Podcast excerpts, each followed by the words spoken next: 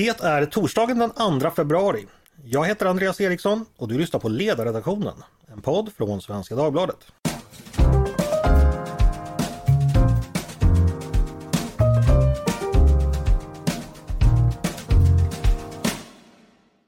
Varmt välkomna till oss hörni!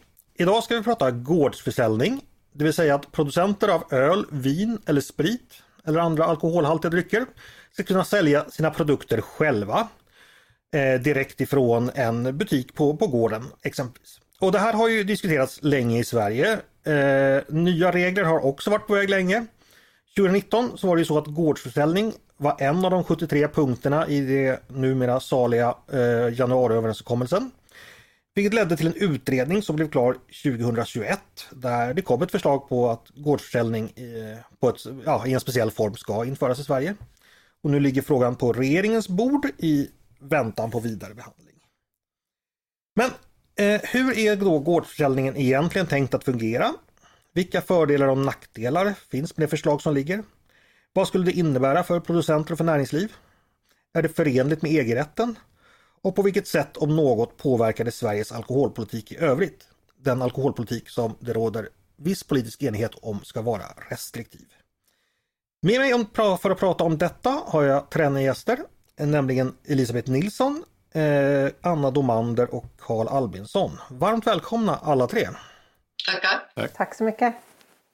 Jag presenterar lite först kort. Eh, Elisabeth, du är då den utredare som höll i den ovan nämnda utredningen. Anna Domander, du är chefsjurist på Systembolaget. Och Karl, ja. du jobbar på den marknadsliberala tankesmedjan Timbro.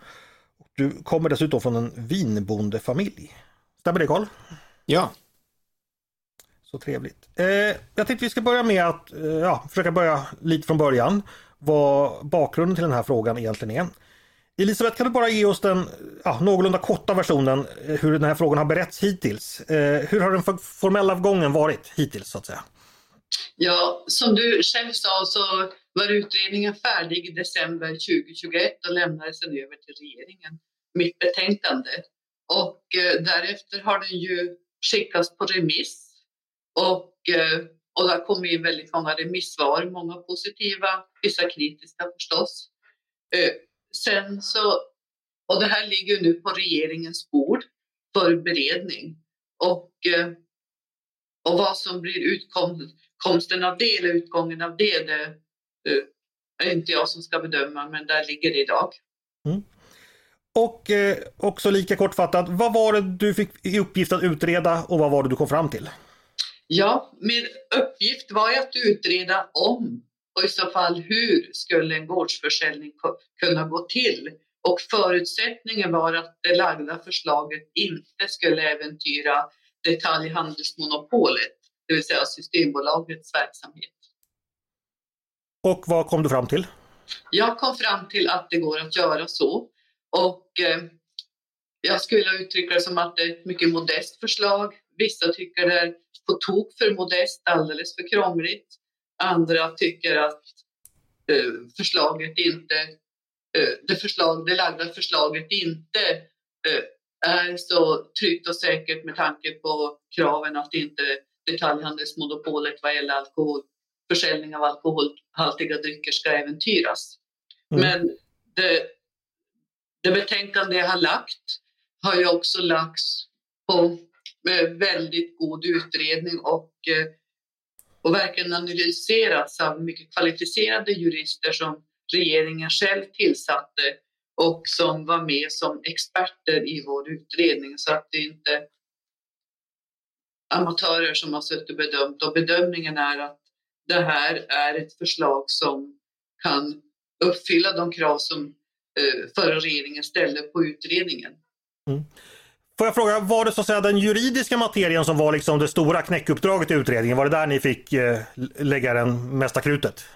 Vi la mycket tid på det för att det gällde ju att vi gjorde analyser, hur ser det ut och, och tittade på det här på många aspekter. Vi, eh, vi gjorde också förändringar i ett första förslag eh, för att eh, minska exempelvis hur stora får producenterna vara? Hur mycket får man köpa? och också ställde krav på eh, att det skulle vara kopplat till någon form av aktivitet, inte bara att man går in som på en vanlig affär. Mm. Vi satte också begränsningar i form av att det skulle vara en tidsbegränsad lagstiftning, vilket är väldigt ovanligt. Och eh, också kopplat till att eh, myndigheter ska göra tillsyn så som man gör på vissa andra verksamheter så att det finns mycket av hängslen och livrem. Mm. Vi har okay. också skrivit om så kallad kodifiering inom EU att kolla där också så att där det är inte fritt fram på något sätt. Mm. Och om jag då, om det här förslaget skulle gå igenom och jag i framtiden besöker Karls familj då som är vinbönder. Hur ska det då gå till när jag får köpa, hur ska gårdsförsäljning i praktiken gå till enligt ert förslag? Om jag till exempel vill åka, det finns närmaste vingården för mig, den är i Sörmland. Mm. Och eh, då skulle fall vara kombinerat, det kan vara med en visning av tillverkningen, provsmakning och eh, sen så får jag där köpa tre liter vin. Mm. Och eh, det är inte de billigaste sorterna som säljs på gårdar, tvärtom så är det väldigt, det är väldigt dyra flaskor i förhållande till någon slags normalpris på Systembolaget.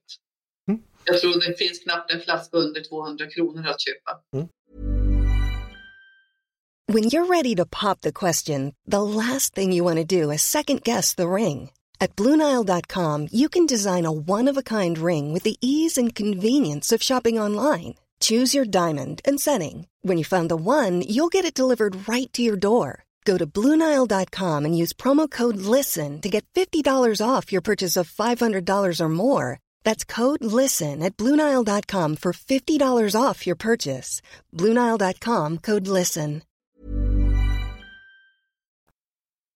Då vänder jag mig till dig Karl. Eh, för det första, om gårdsförsäljning, vad skulle det innebära för ja, exempelvis din familj och andra lokala producenter? Varför vill ni ha det? Ja, det skulle vara en jätte, jättestor skillnad för oss. Vi, ehm, vi är en ganska, jämfört med producenter i andra delar av Europa så är vi en väldigt liten vingård. Vi är ett vit, litet vinland. Um, men det är precis som Elisabeth säger, att vi gör ju ganska, ganska högkvalitativa liksom, produkter som är ganska dyra. Så att få sälja dem direkt på gården hade ju varit något totalt annorlunda jämfört med vad det är idag. Idag måste vi leverera till eh, restauranger eller ha en egen restaurang där vi får sälja vårt vin. Och vi mm. gör ju redan idag, vilket andra vingårdar också gör, man har ju vinprovningar, guidningar och så. Så att få sälja vin i samband med det hade varit, eh, hade varit en jättestor skillnad. Det är väldigt vanligt att framförallt utländska besökare, men också många svenskar kan bli rätt förbannade när de inte får köpa med sig vin hemifrån, eller vin från gården när de, när de ska åka hem. Så det hade, varit, det hade gjort stor skillnad för oss. Mm. Men med nuvarande förslag, förslag då Karl, då, då kommer jag alltså hem till er vingård och så får jag höra på ett litet föredrag eller lite vinprovning och så får jag då köpa med mig fyra flaskor eh, med mig hem. För det är väl det tre liter blir om jag räknar rätt i hastigheten. Yeah. Eh, är det ett bra förslag tycker du? Alltså, givet att man inte får köpa någonting överhuvudtaget så är det såklart att det är bra eh, mm. för oss. Eh, sen så kan väl en invändning från vinbranschen har ju varit att det kanske borde vara till exempel sex flaskor eftersom att det finns inga, alltså en sån praktisk sak som att det finns inte kartonger för fyra vinflaskor till exempel. Men eh, alltså, ett litet steg på vägen såklart, så, det, så vi välkomnar det här från, från, från vinbranschens sida. Sen får man ju se eh, hur man utvecklar förslaget framöver, men det har ju utretts ett par gånger och om det, om det måste utformas så här modest för att det ska gå igenom så, så får det väl vara så. Mm. Eh, jag ska släppa in Anna här. Eh, ni skriver på er hemsida, alltså på Systembolagets sida att förslaget, skulle förslaget bli verklighet äventyras dagens system och den framgångsrika alkoholmodell vi har eh, och som det svenska folket stödjer. Eh, varför är det så? På vilket sätt äventyras den modellen? Ja, precis som ni har varit inne på tror jag alla talare så är ju det här en, en, en riktigt eh, komplex fråga. Inte minst just för att vi har det här detaljhandelsmonopolet och vi då som, som alltså Sverige som, som, som stat har ju gått in och fått det här förtroendet att ta det här monopolet och då sagt att Eh, då, då ska vi värna och skydda och, och se till att den svenska alkoholpolitiken är konsekvent och sammanhängande. Och det måste liksom in i det här stora pusslet att frågan är svår. Det är svårt att, att veta och se och, och, och komma fram till hur kan man då förena detta detaljhandelsmonopol då med en, en eh, eh parallell verksamhet av något slag eh, såsom då en tänkt gårdsförsäljning. Och Systembolaget välkomnar ju såklart att den här frågan utreds eh, och eh, ser ju till skillnad från eh, Elisabeth att det här eh, förslaget som då har lagts är modest utan vi ser ju dessvärre att det här är inte det förslaget på gårdsförsäljning som vi eh, väntade oss och trodde skulle kunna komma fram som kanske en möjlig väg framåt. Vi såg ju positivt på att regeringen var väldigt tydliga med att en skarp förutsättning för att en fortsatt beredning av den här frågan var just att det måste vara förenligt liksom, EU-rättsligt med monopolet och, och skydda folkhälsan. Och vi ser inte att det här förslaget är i den häraden. Vi ser att det här är ett väldigt vittgående förslag där man öppnar upp för försäljning av alkohol alla dagar i veckan. Såväl i storstad men också då på landsbygd.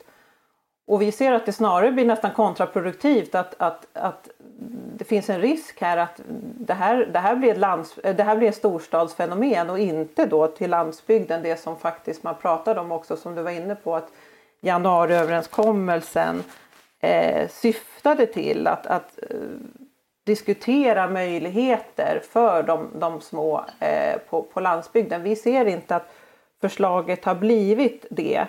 Eh, och vi ser inte att det egentligen är en, en gårdsförsäljning vi diskuterar. Utan något mycket eh, mer vittgående än så. Mm, Okej, okay. du ska få utveckla det, det, det senare. Jag ska bara kolla. Hur skulle ett förslag på gårdsförsäljning som ni skulle tycka var okej, okay, hur skulle det kunna se ut i så fall? Eh, går det att berätta om? Ja, alltså vi hade ju självfallet som, som, som sagt, och det vill jag verkligen understryka, vi välkomnar såklart att, att frågan prövas och, och hade den varit lätt så hade vi kommit i mål redan. Det är ju det är ingen, ingen tror jag, tillfällighet att det här är den tredje statliga utredningen kring frågan. Men självfallet så hoppas ju vi att och, och tror att man skulle kunna hitta en medelväg där de minsta producenterna på gles och landsbygd eh, Ehm, kan då få en möjlighet att, att sälja till besökare. Mycket mer likt då den finska och norska modellen. Men det här förslaget som vi har då sett nu i Sverige idag är mycket mer långtgående än då eh, de, an, de andra modellerna som de andra monopolen i Norden har. Okej, okay, men, men hur skulle det se ut då rent praktiskt för att ni skulle vara nöjda? Eh, kan du bara beskriva? För nu är det max fyra liter, eh, eller max, max fyra flaskor eh, vin à 200 spänn och då måste man samtidigt sitta på en föreläsning om vin innan.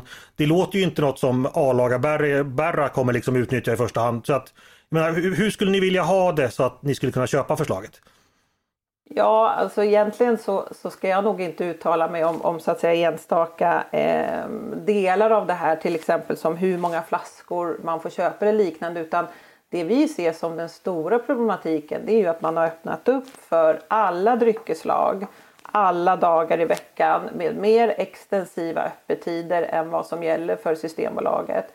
Eh, och att det är en redan idag ser vi en oerhört stor mängd eh, producenter som skulle kunna göra just det här i, i runda tal när vi har räknat 800 stycken och det kan ju ställas i relation till då att Systembolaget har 450 butiker och problematiken med det är ju just att vi inte vet eh, om det här skulle vara en förenlig modell för mm. Sverige. Mm. Att ha både då en detaljhandel som, och detaljhandel, detaljhandelsmonopol och en parallell detaljhandel som det här faktiskt blir. Vi vet inte om det skulle vara en möjlig och framkomlig väg. Men okej, den... okay, jag ställer frågan så här då. Att de här gårdsförsäljningen får bara ha öppet på Systembolagets eh, tider.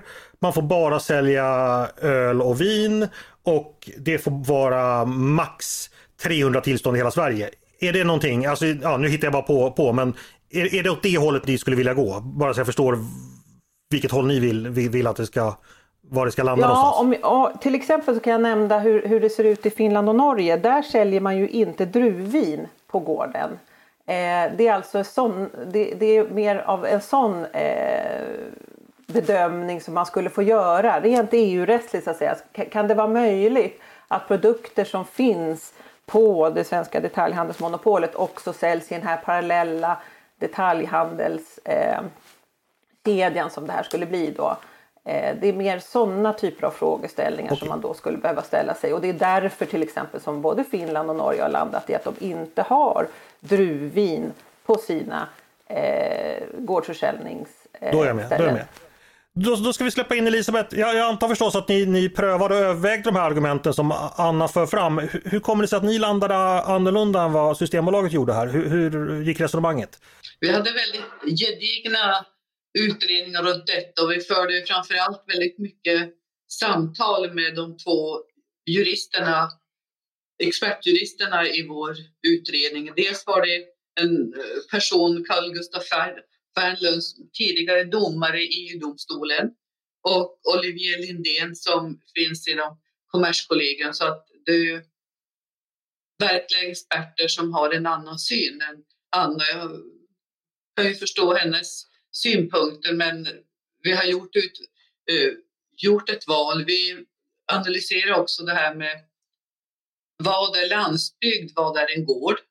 Uh, vad händer om landsbygden blir stad, när är det inte landsbygd? Så att det är många frågor som inte är alldeles självklara att svara på. Om jag är producent och plötsligt så närmar sig storstaden, där är det då storstad eller är det landsbygd? Och uh, och, då, och vi vred och vände på de här frågorna rätt ordentligt och, eh, och landade efter eh, övervägande och efter dialog med det här förslaget som är eh, där precis att det även gäller i stad. Men det är inte så att det är fritt fram. Det är som många tycker och som någon skrev i kommentarerna när jag la förslaget att det var ju väldigt knöligt. Och det, meningen också att det inte ska vara en konventionell handel. Det är ingen konventionell affär. Det, dessutom som så att det inte, ska inte heller vara gratis, den här aktiviteten som man som många skulle tycka tvingas genomgå för att köpa dessa flaskor vin eller eh, ölen. Så att det är, det är en besvärlig modell. Och, eh, så att det finns ju ingenting som uppmuntrar att man inför fredagskvällen springer förbi och köper här. Eh, så att med de restriktioner som finns, den prisbild som är på den här typen av produkter, så har jag väldigt svårt att se att eh, det skulle vara något hot mot den svenska folkhälsan och också att man kan inte likna det här vid en konventionell detaljhandel. Om det vore som så att man bara kunde gå in och köpa, då är det en konventionell detaljhandel med begränsningar, men det är inte. Det är både begränsat i mängd och också kopplat till någon mm. form av aktivitet. Eh, men Elisabeth, funderade ni på, övervägde ni det som Anna föreslår här, att göra en modell som mer liknar den norska eller finländska varianten då? Vi tittade på olika modeller och eh, jag kommer inte ihåg alla detaljer som vi resonerade men vi landade i den här modellen. Och, eh, och bland annat det här med landsbygd och gård.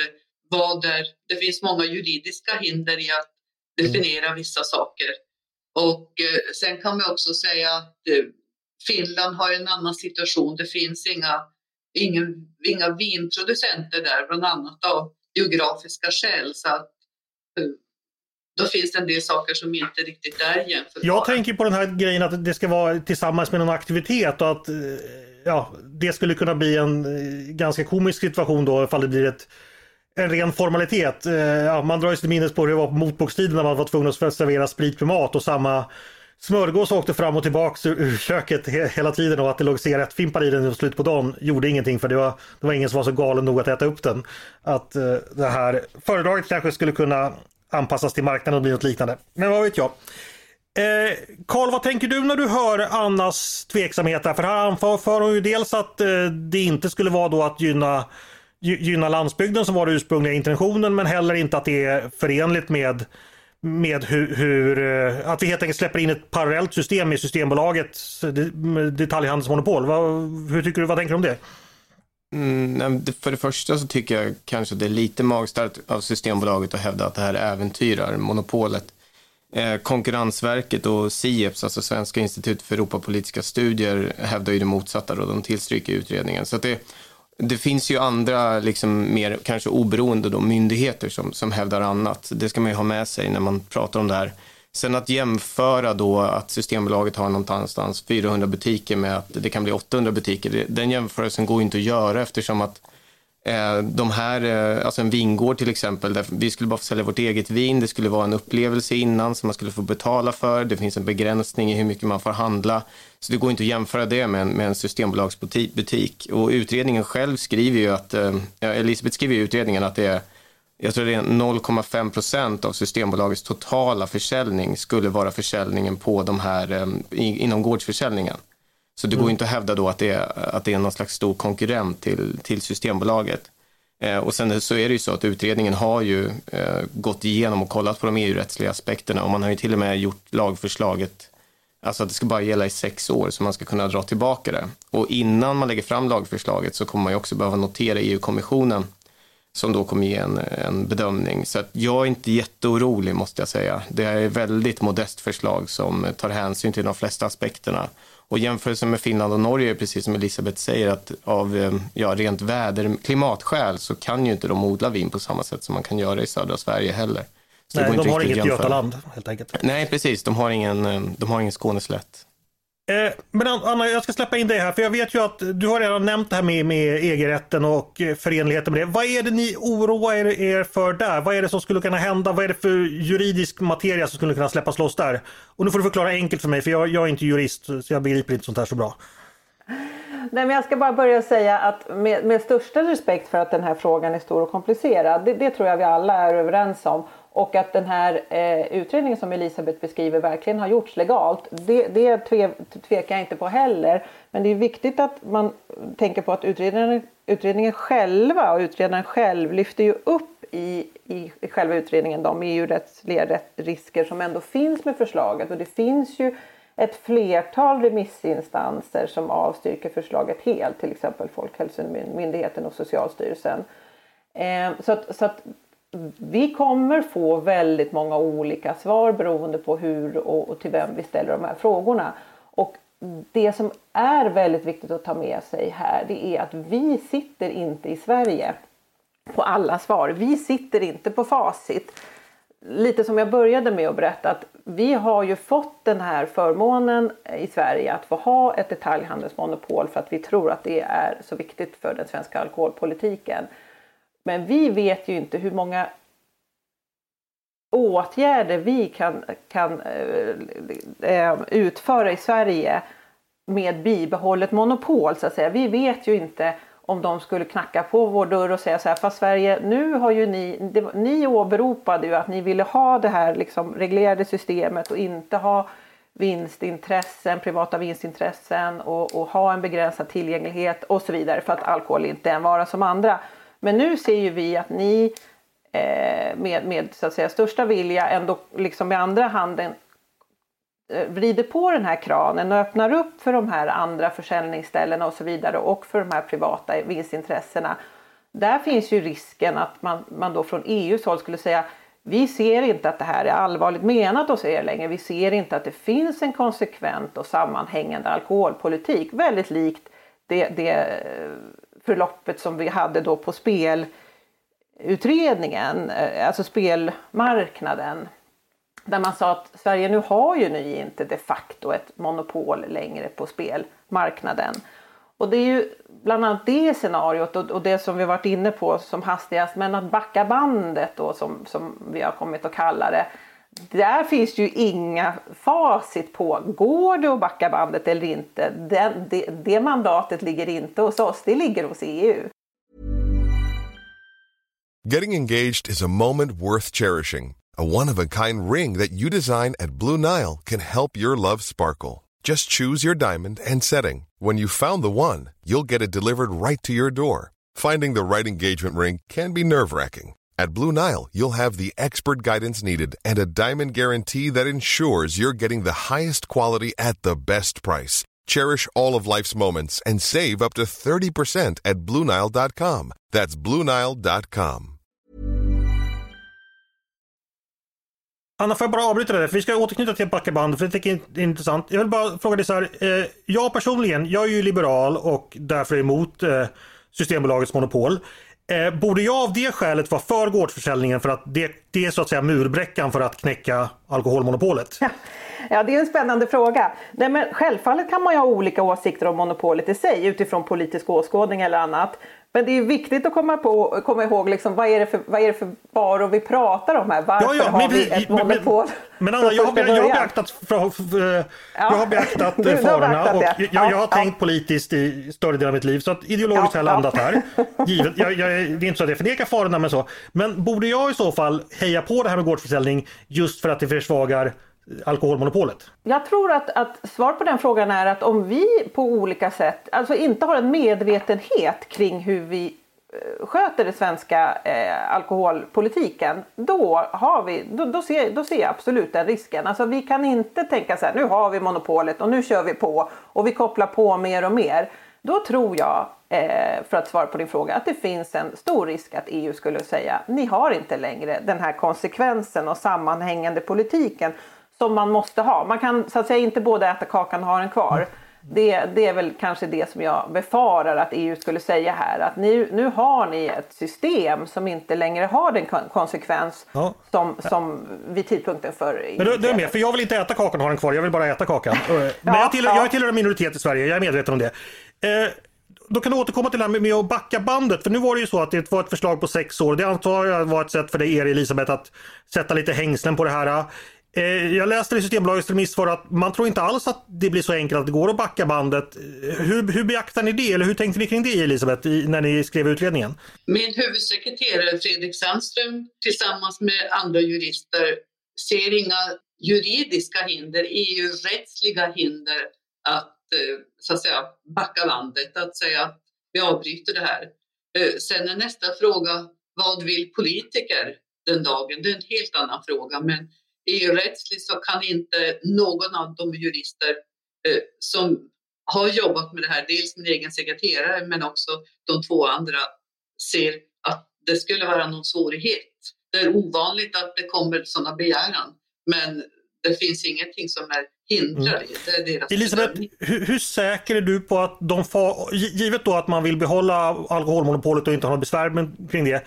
Hur säker är du på att Annas farhågor är överdrivna eller felaktiga? Känner du dig helt trygg med förslaget? Med, med de eh, rådgivare som jag har haft i min utredning så känner jag mig trygg.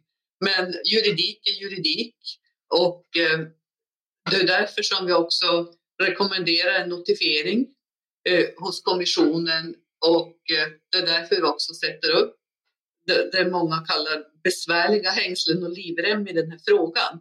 För att det finns ingen vi kan inte ringa till EU och säga okej, okay, det här är det jag lagt. Det, så är det ju. Och, eh, så det är därför vi har satt de här begränsningarna och det är också kopplat till uppdraget som jag har, hade som utredare att lägga ett förslag som var också eh, i paritet med den svenska alkoholpolitiken med bibehållet monopol. Så att eh, därför så finns dessa hänglås eller returvägar som en möjlighet och också att förslaget i sig är väldigt modest. Så, att, eh, så vi har verkligen försökt hålla oss inom någon slags fiktivt staket. Där om man kliver över det staketet så då kan man säga att det är fritt fram. Det här är som nya små systembolag spridda över landet. Men det är ju inga vanliga butiker det här utan det är någonting annat. Anna, Elisabeth säger att hon känner sig helt trygg. Har hon blivit blåst av sina rådgivare eller varför, har, varför landar ni så olika? Nej, men precis som jag har sagt eh, flera gånger tidigare nu så, så, är det här en väldigt, väldigt, väldigt svår fråga. Det är inte någon som sitter på facit här. Eh, och vi har ju såklart också tittat på frågan från, från, på, på kors och tvärs och längden och tvären. Men vi befarar ju att beslutar man att införa det här förslaget så är det alltså EU-rättsligt. Inte, det beror inte på vad Sverige säger att det är eller benämner det. Utan EU-rättsligt så blir det så att säga oåterkalleligt.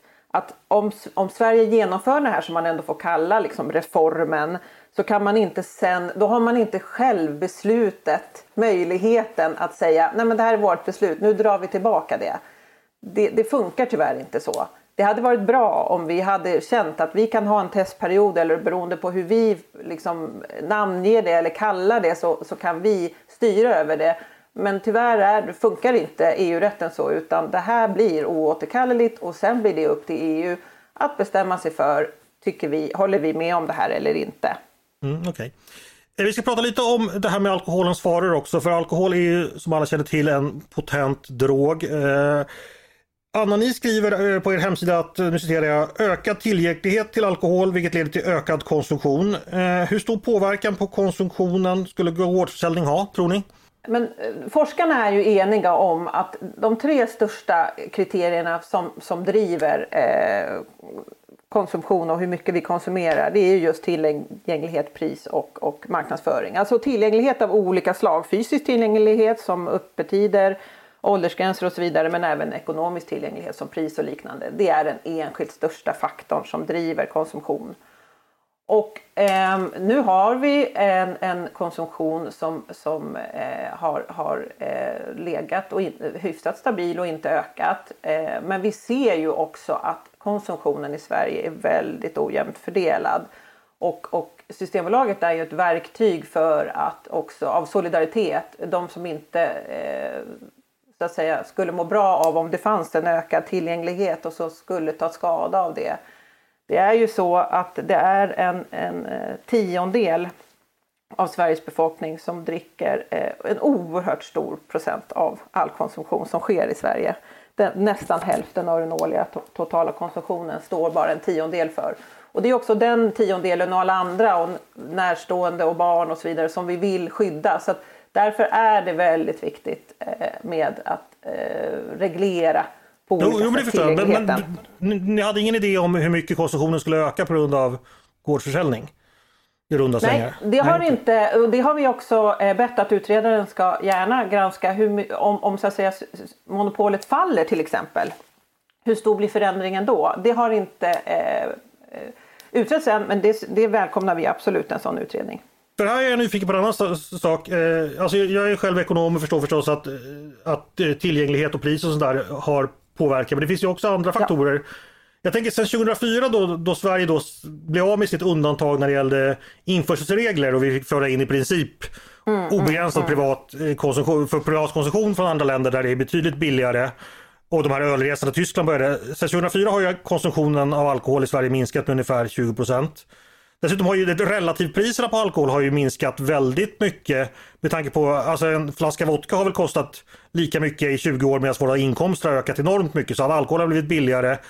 Och nu har jag inga siffror på, på marknadsföringen men jag misstänker att vi under de här 20 åren har pumpat in rätt mycket pengar i marknadsföring av alkohol. Det stämmer. Ändå har ju konsumtionen minskat med 20 procent så att uppenbarligen finns det väl andra orsaker än bara det du nämner som, som avgör hur mycket folk konsumerar. Exempelvis folks egna vilja eller kultur eller vanor ja. eller någonting annat. Absolut, och man ser också inom olika ålderskategorier att, att där kan konsumtionen eh, öka eller minska. Eh, till exempel så ser vi ju nu en oerhört glädjande trend i att unga inte dricker lika mycket som tidigare. Eh, och istället så är det vissa äldre åldersgrupper som dricker mer och så vidare. Men, men absolut, eh, vi ser inte en ökning vilket vi självfallet eh, ser oerhört positivt på. Men borde vi inte ha sett det givet all marknadsföring samt att det har blivit relativt billigare samt att vi kan ta hur mycket sprit som helst från EU borde vi inte ha sett en ökning ifall den teori du förde fram att det är tillgänglighet, pris och marknadsföring som är det som avgör? Mm, mm, mm.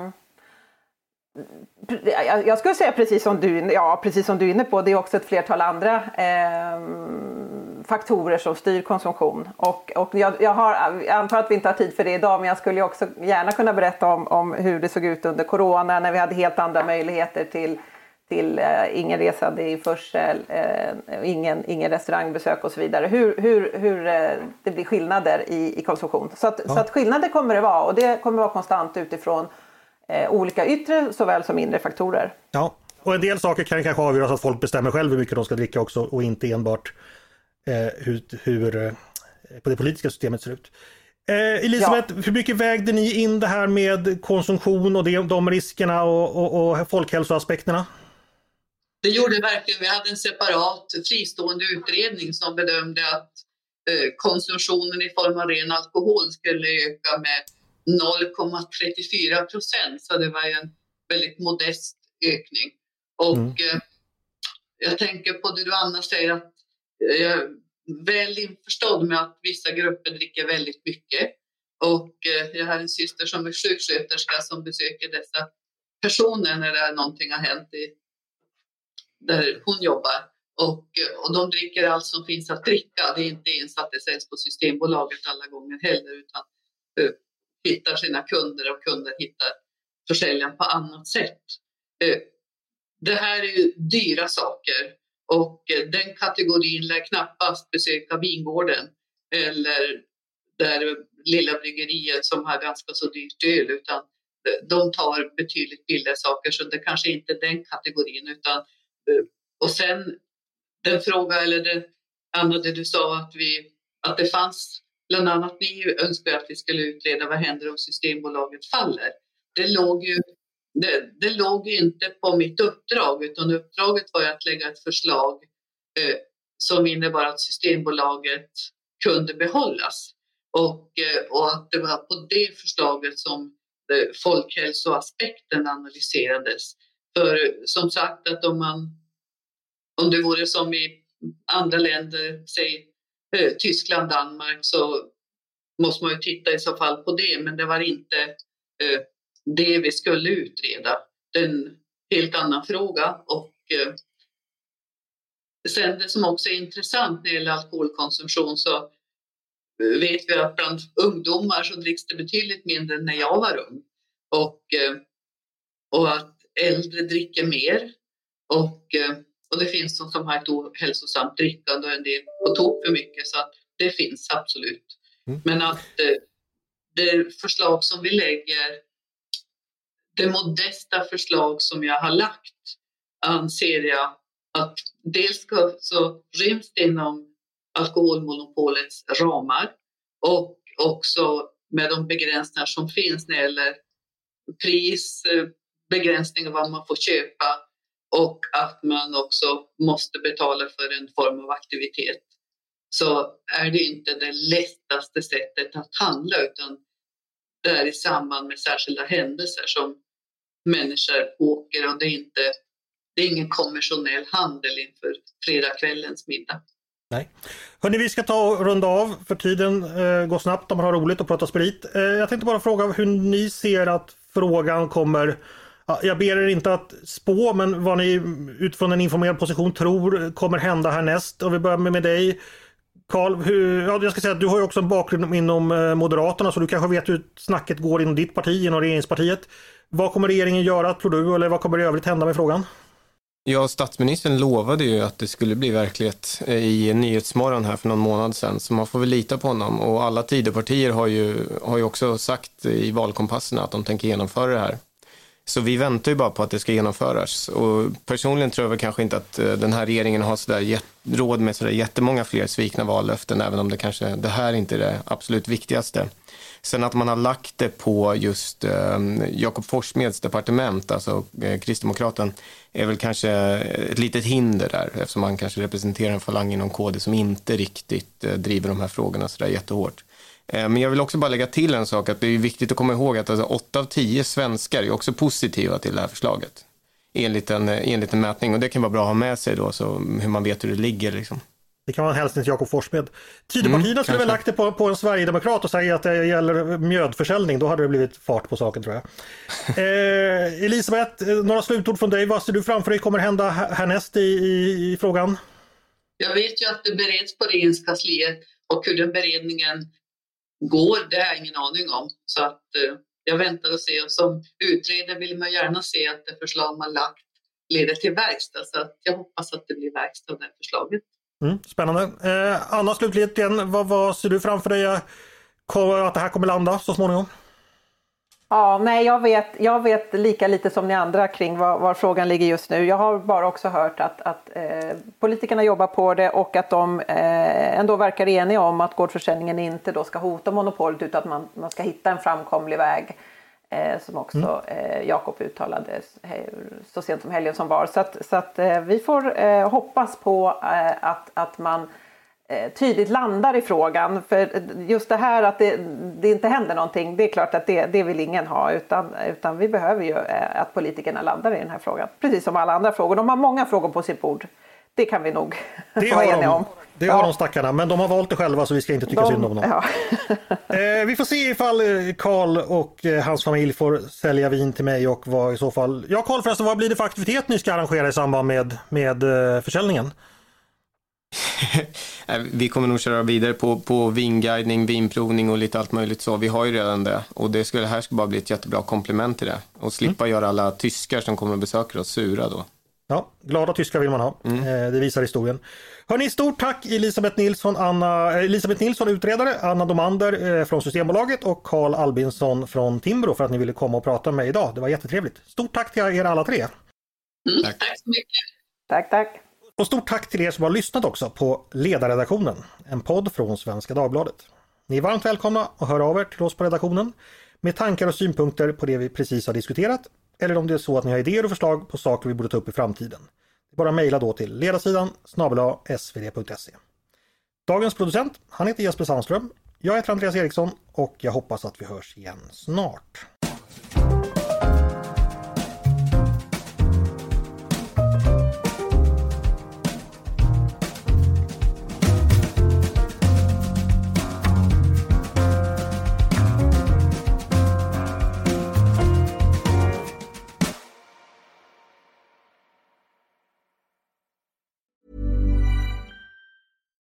Botox Cosmetic, out of botulinum toxin A, FDA approved for over 20 years. So, talk to your specialist to see if Botox Cosmetic is right for you.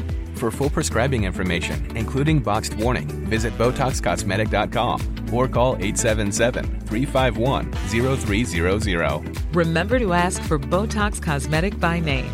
To see for yourself and learn more, visit BotoxCosmetic.com. That's BotoxCosmetic.com.